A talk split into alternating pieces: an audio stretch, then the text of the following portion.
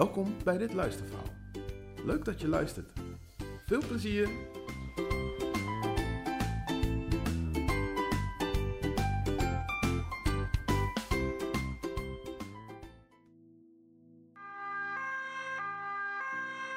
Heb jij wel eens meegemaakt dat er een politiewagen voor jullie auto ging rijden op de snelweg?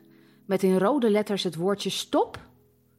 Je vader vroeg zich zenuwachtig af wat hij had fout gedaan en moeder riep: Heb je je papieren wel bij je? En jij klemde je angstig vast aan de rugleuning. Spannend, hè? Zoiets maakten de broers van Jozef ook mee. Luister maar. Hé, hey, jullie daar! Hé, hey, Hebreeën! Stop in de naam van de onderkoning! De huisbewaarder van Jozef laat zijn lange zweep knallen. Vier breedgeschouderde soldaten met messen opzij rijden achter hem aan op snelle paarden. De broers, rustig voortsukkelend op hun ezels, horen het geschreeuw. Wat is er aan de hand? Bedoelt die man hen? Angstig houden ze stil. Waarom hebben jullie de zilveren beker van de onderkoning gestolen? Ondankbare honden. Nou, zeg op. Hij heeft jullie als vorsten ontvangen en als dank stelen jullie van hem. De broers kijken elkaar stom verbaasd aan en halen de schouders op. Een beker gestolen? Dat hebben ze niet gedaan. Ze zijn zo eerlijk als goud. We hebben zelfs het geld teruggegeven dat we in onze zakken hadden gevonden. Waarom zouden we dan die beker stelen? vraagt Ruben verontwaardigd. We hebben dat echt niet gedaan, meneer. Helpt Simeon hem. U mag gerust alle spullen doorzoeken. Bij wie het gevonden wordt, die mag u zelfs doden en de rest van ons zal u dan als slaaf dienen.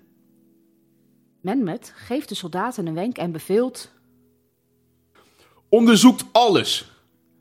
Bij wie de beker gevonden wordt, die zal mijn slaaf zijn. De anderen kunnen gewoon doorreizen. Alle zakken worden doorzocht.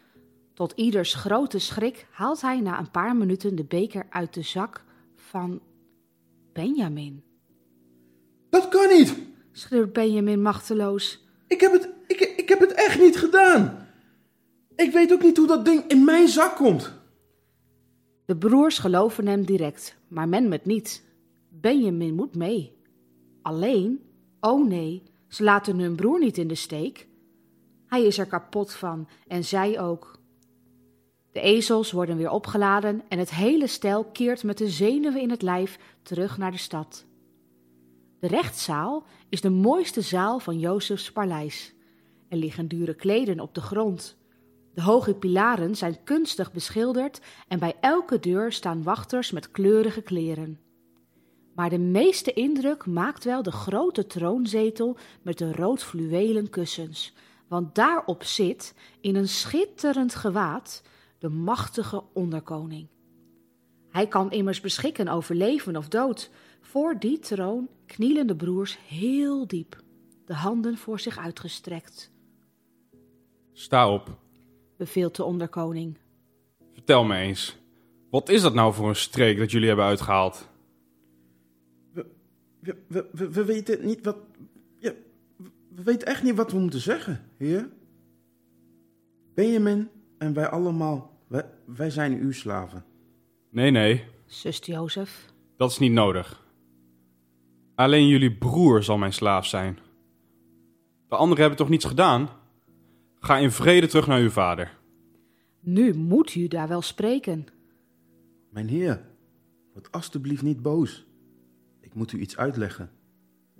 U hebt ons de vorige keer naar onze broer gevraagd. U wilde hem per se zien. Maar eigenlijk wilde vader Benjamin niet meegeven. Hij is erg dol op de jongen. Het is namelijk zo dat Benjamin nog een oudere broer had. En die is, eh, ja, overleden. Na een lichte aarzeling gaat hij verder.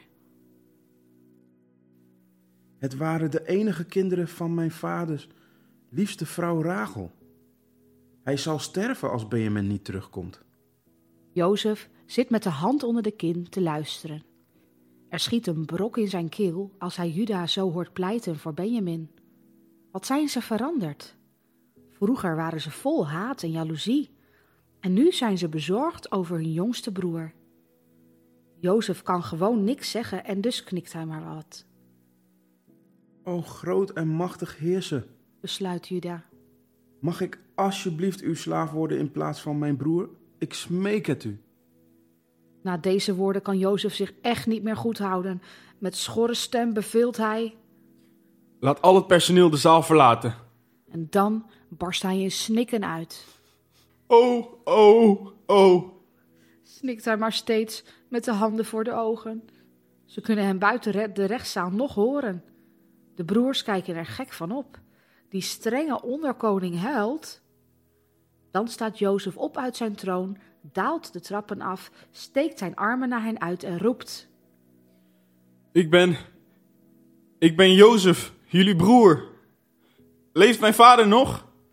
De broers deinzen achteruit. Jozef? Oh wee!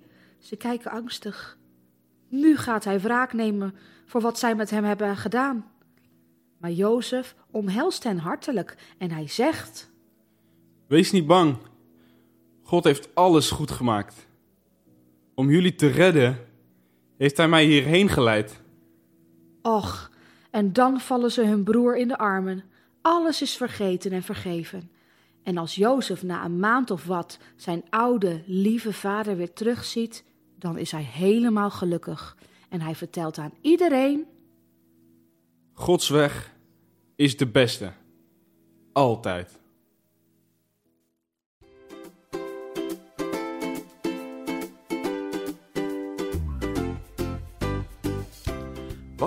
Hè? Heel erg bedankt voor het luisteren en tot de volgende keer.